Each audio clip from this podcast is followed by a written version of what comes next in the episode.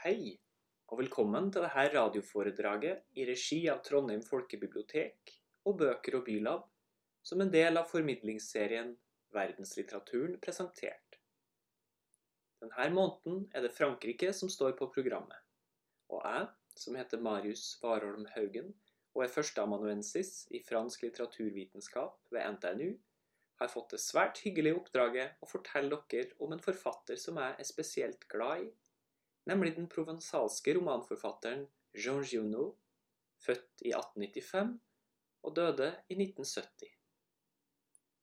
Han er dessverre altfor lite kjent her til lands, og jeg håper med dette å skape litt mer interesse for det som er et svært rikt forfatterskap, og som etter min mening hører hjemme blant 1900-tallets aller fremste. Av grunner som jeg straks skal komme inn på, vil jeg særlig fortelle om en roman publisert i 1951 med tittelen Le Husard sur le toit, eller Husaren på taket, som den heter i den svenske oversettelsen. Dette foredraget skulle egentlig blitt presentert i levende livet i Bøker og Bylabs lokaler. Men pga. koronaviruset, som gjør at de aller fleste av oss må sitte hjemme, har det også blitt et radioforedrag istedenfor. Egentlig skulle jeg også snakke om et helt annet tema, men hele denne underlige, og for de fleste av oss helt nye situasjonen, gjør Gionos roman særdeles aktuell, fordi den handler om kjærlighet, vennskap og karantene i forbindelse med en koleraepidemi i Provence på 1800-tallet. Men før jeg kommer til Giono, har jeg også lyst til å fortelle bitte litt om epidemier pandemier og karantene i litteraturen mer generelt. For verdenslitteraturen den er svært rik på fortellinger om nettopp epidemier og pandemier, og ikke minst om menneskenes ulike måter å håndtere de her på. Jeg vil bare kort nevne noen helt få av en lang rekke av eksempler, også for å sette Gionos roman inn i en større sammenheng. Novellesamlinga Decameronen av den italienske renessansedikteren Giovanni Boccaccio har blitt trukket frem av mange i den siste tida. Dette verket, som er en av de store klassikerne i europeisk litteratur, har som bakteppe utbruddet av svartedauden i Toskana i 1348. I verkets rammefortelling samles ti unge mennesker i en villa utenfor Firenze for å unnslippe pestepidemien der de forteller historier til hverandre for å fordrive tida. Slik ansamling av mennesker er neppe i tråd med Folkehelseinstituttets anbefalinger for håndtering av koronaepidemien.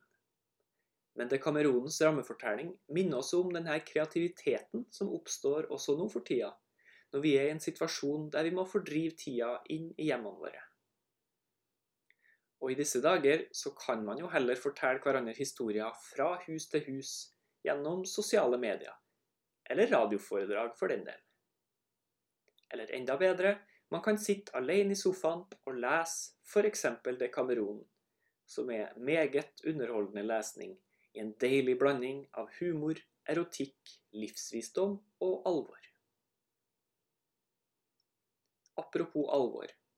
For dem av dere som elsker Italia, som jeg også gjør, og som blir trist av å følge med på situasjonen der, er dette en god anledning til å ta fram 1800-tallets store italienske roman I Promessi Sposi, oversatt av Magnus Ulleland til De det» i Gyldendals klassikerserie. Den romanen har et lengre kapittel som omhandler et pestutbrudd i Milano i 1630. Et kapittel som får så godt frem konsekvensene av et slikt utbrudd, sosialt så vel som økonomisk og hvordan vi opptrer både kollektivt og som enkeltindivider.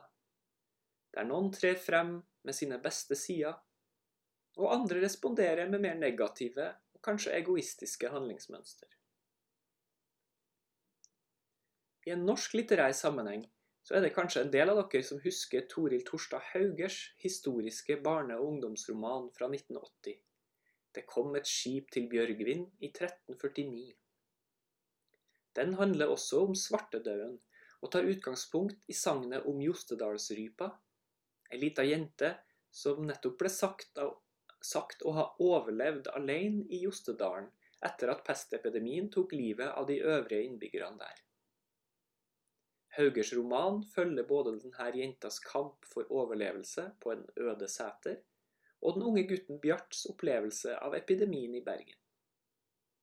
Dette er en roman tiltenkt barn og ungdom mellom 9 og 12 år, men den kan være sterk lesning for både barn og voksne, kanskje særlig i en sånn situasjon som den vi er i nå.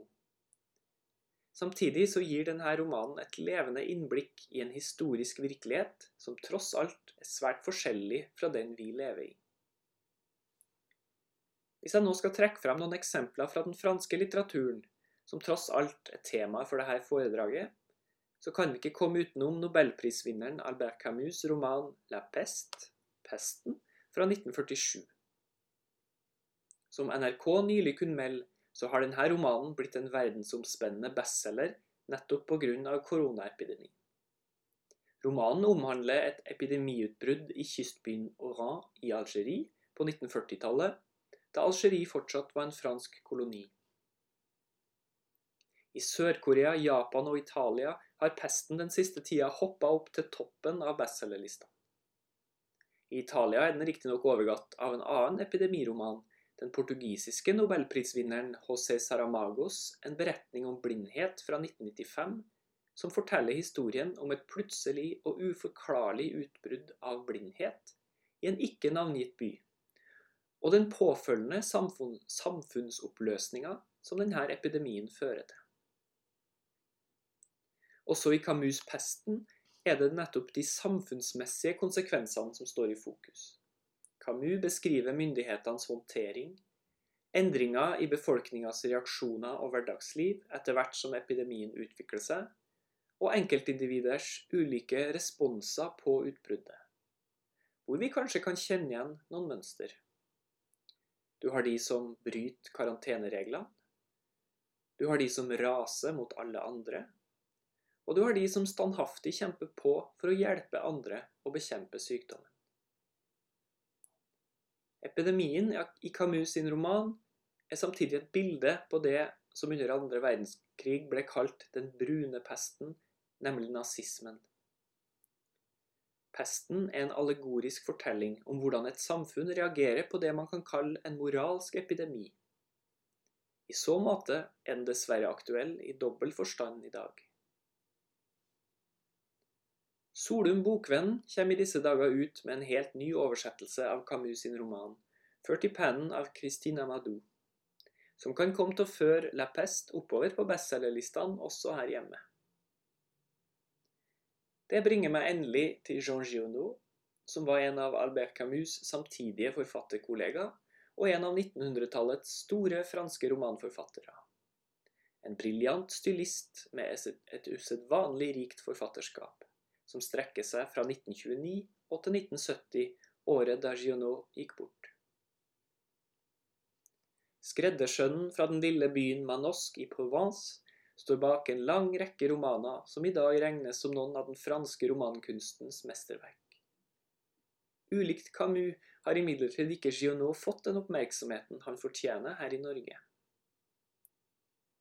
Riktignok ble to av hans første romaner raskt oversatt til norsk, Un de Beaumugne fra 1929 ble utgitt av Gyldendal med tittelen Albin i 1932, oversatt av den norske maleren Paul René Gauguin, for øvrig barnebarnet til den kjente franske impresjonisten med samme navn.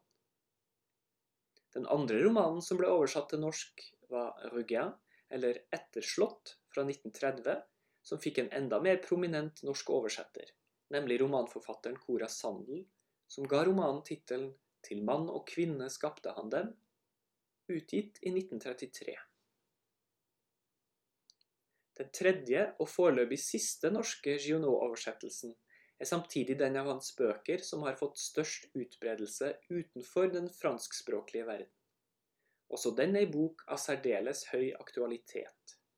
L'homme qui plantait des arbres, eller Mannen som plantet trær. Dette er ei kort fortelling om en provansalsk gjeter som vier livet sitt til å plante trær, og som dermed bringer liv tilbake til en hel region. Etter at den ble utgitt i 1953, fikk fortellinga raskt en verdensomspennende innflytelse som et slags økologisk manifest. Fortellinga kom ut i fjor i norsk utgave på Heinesen forlag, oversatt av Hanne Herman, som skal ha ros for å ha oversatt Giono til norsk. L'homme qui plantait des arbres ble også filmatisert i 1987 i en nydelig tegnefilmadaptasjon laga av den canadiske filmskaperen Frederic Bach, som vant Oscar for beste animerte kortfilm. Dersom dere søker på The Man Who Planted Trees på YouTube, så kan dere se en engelskspråklig versjon av filmen som varer omtrent en halvtime. Før andre verdenskrig skrev Jean Giono i stor grad naturlyriske romaner, satt til et slags ahistorisk Provence, som til forveksling ligner på antikkens mytologiske landskap. Det spekuleres for øvrig i om ikke Giono var inspirert av vår egen Knut Hamsun. Ifølge den norske Giono-forskeren Guri Barstad skal Giono ha uttalt at tematikken i romanen Regin, den som ble oversatt av Cora Sandel, var den samme som i Markens grøde. Jean Giono kjempa i skyttergravene under første verdenskrig, en erfaring som gjorde han til en dypt overbevist pasifist. Det førte bl.a. til at han skrev romanen Le Grand Troupeau, oversatt til engelsk med tittelen To the Slaughterhouse, som er en av de mest detaljerte og usminka beskrivelsene av skyttergravskrigen som noen gang er skrevet. I forbindelse med andre verdenskrig hadde Giono to korte fengselsopphold. Først to måneder ved starten av krigen, anklaga for nettopp pasifisme. Deretter fem måneder etter frigjøringa Han satt fem måneder i fengsel etter frigjøringa i 1944. Offisielt fordi han under okkupasjonen hadde publisert skjønnlitterære tekster i tyskkontrollerte aviser og tidsskrifter. Krigen og fengselsoppholdene medførte en endring i Gionos skrivemåte og forfatterskap. Etterkrigsromanene hans er i større grad enn før satt til identifiserbare historiske epoker. De er langt mørkere, pessimistisk og kompleks i formen enn førkrigsromanene. Samtidig er de også prega av sensualitet, av en slags hedonistisk livsglede og av mye humor om enn en, om enn en ofte ganske mørk sådan. Et godt eksempel på det er den første etterkrigsromanen hans, Un roi sans divertissement, En konge uten adspredelse, fra 1947, samme året som Camus' roman La Peste kom ut. Den må nevnes her både fordi den er en av Gionos absolutte mesterverk, etter min mening, og fordi den helt nylig endelig ble tilgjengelig for et ikke-frankofont publikum. Den kom nemlig på engelsk i 2019 med tittelen A King Alone.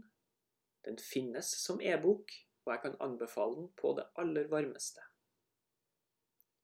Romanen beskrives av den amerikanske utgiveren som en metafysisk western, og som en eksistensiell krimroman.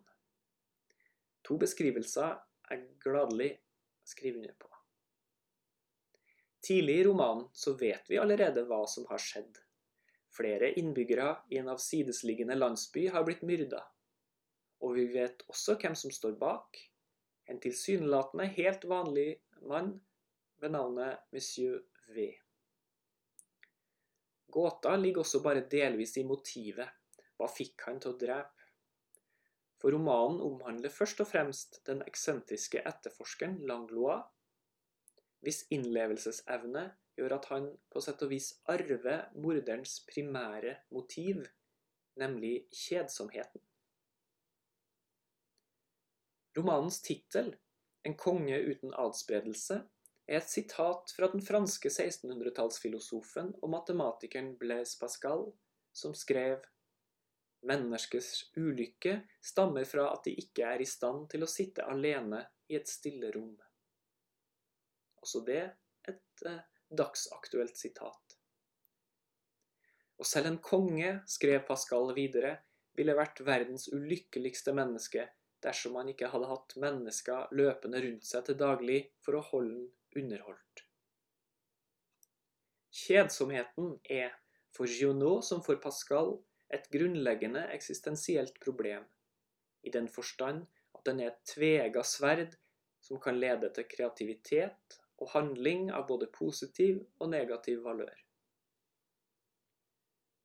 Også denne romanen kan dermed være svært passende, eventuelt usedvanlig upassende, men i alle tilfeller tematisk relevant lesning for koronaisolerte lesere, fordi den tematiserer strategier for å møte kjedsomheten og omhandler hva som skjer med et isolert samfunn stilt overfor en usynlig trussel.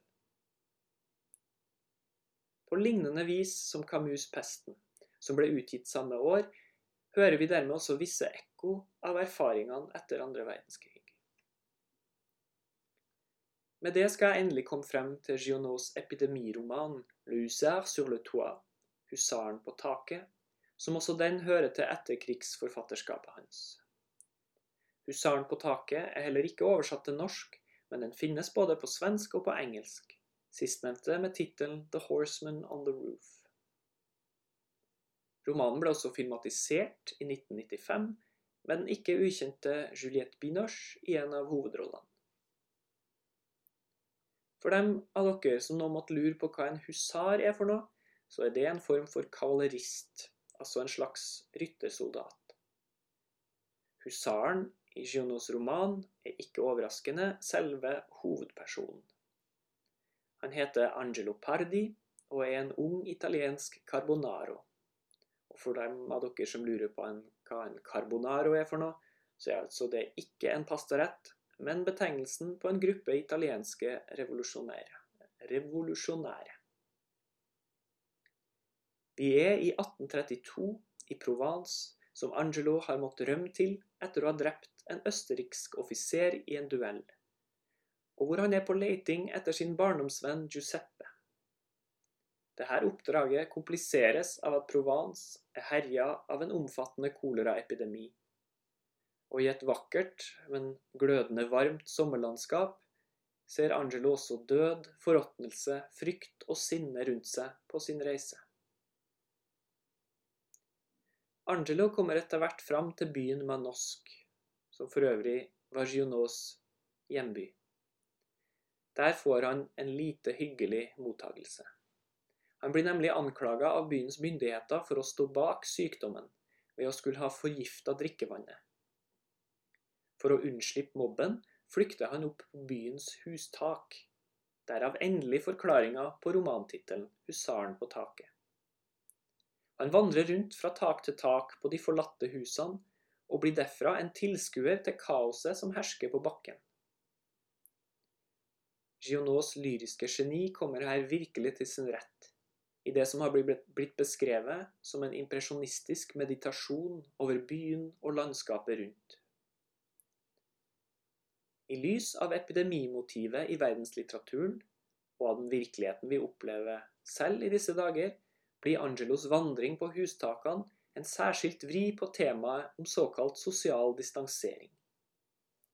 Ikke bare er isolasjonen hans et resultat av de andre sin frykt og voldsreaksjon, men den skaper også en spesiell form for distanse mellom Angelo og samfunnet rundt den. Gjennom blikket til Angelo ser også vi som lesere kaoset der nede i et fugleperspektiv, og kanskje kan vi også dermed gjenskape en slags avstand til vår egen situasjon. Mens Angelo vandrer både på og i de stort sett forlatte husene, kommer han til et hus som fortsatt er bebodd, av den unge, vakre kvinnen Pauline. Hun tar imot den og hjelper han med mat og stell uten frykt for smittefaren. De her to unge menneskene utvikler et dypt vennskap og en intens kjærlighet, som imidlertid aldri går over til det fysiske ettersom Pauline forholder seg trofast til sin langt eldre og fraværende ektemann. Når de kommer seg ned fra takene, så reiser Pauline og Angelo etter hvert rundt sammen i hennes leiting etter ektemannen, der de sover under åpen himmel, slåss med soldater som prøver å sette dem i karantene, og lærer hverandre å kjenne. Det hele blir en slags dannelsesreise for den unge, ustadige og temperamentsfulle soldaten Angelo. Romanen er en vakker, men ganske særegen kjærlighetshistorie. Om to mennesker som lærer hverandre å kjenne dypt over kort tid i en helt spesiell situasjon. Men hvordan det hele ender, det skal dere få komme til sjøl. Hvis vi igjen skal trekke en sammenligning med Camus' 'Pesten', så er Gionots roman en langt mer eventyrlig og mindre politisk fortelling. I hvert fall ved første øyekast. Gionot kombinerer det lyriske med det episke. Dikt med eventyr, språklig virtuositet med god fortellerkunst. Du kan formelig se alle fargene, kjenne alle luktene og høre alle lydene, både dem som er vakre og dem som er stygge og ubehagelige. Gionots stil preges også av en umiskjennelig ironi, som har blitt sammenligna med stilen til den store 1800-tallsforfatteren Standal.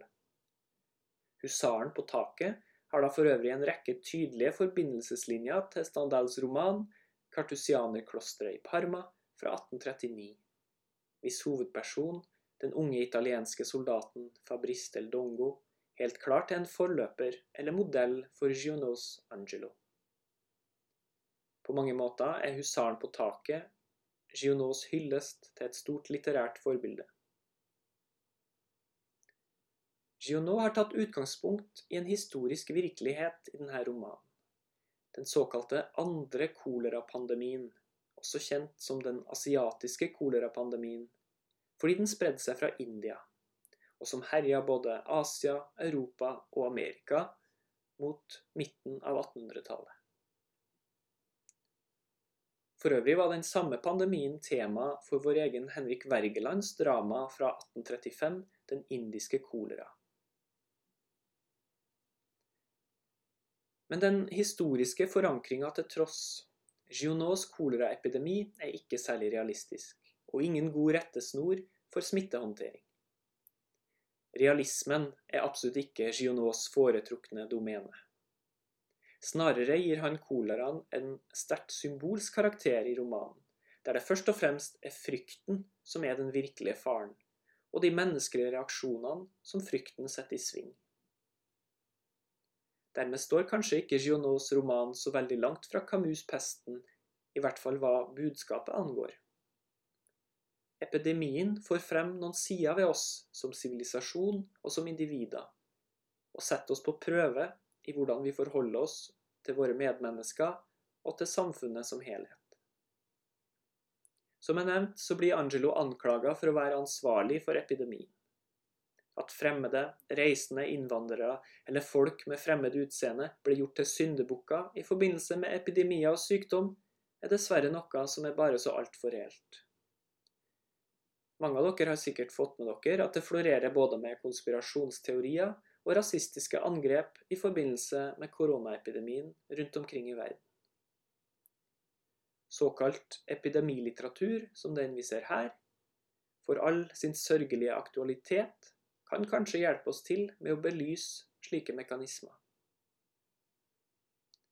Verdenslitteraturens rike tilfang av epidemitekster minner oss samtidig om at en situasjon som den vi nå befinner oss i, og som oppleves som ny og urovekkende for vår generasjon, har vært en del av virkeligheten for utallige generasjoner før oss.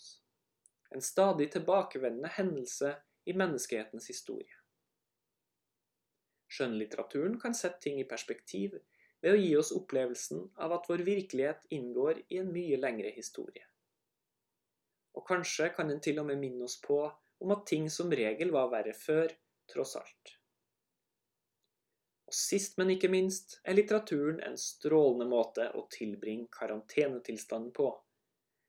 Så mye mer strålende dersom internettilgangen snart blir overbelasta og vi snart har runda Netflix.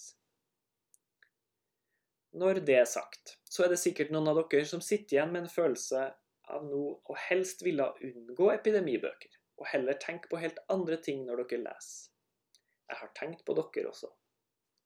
Før jeg avslutter, vil jeg derfor komme med et siste lesetips, som er av den langt mer lystige sorten, men som allikevel er svært relevant for de her tider vi lever i, om enn på en helt annen måte.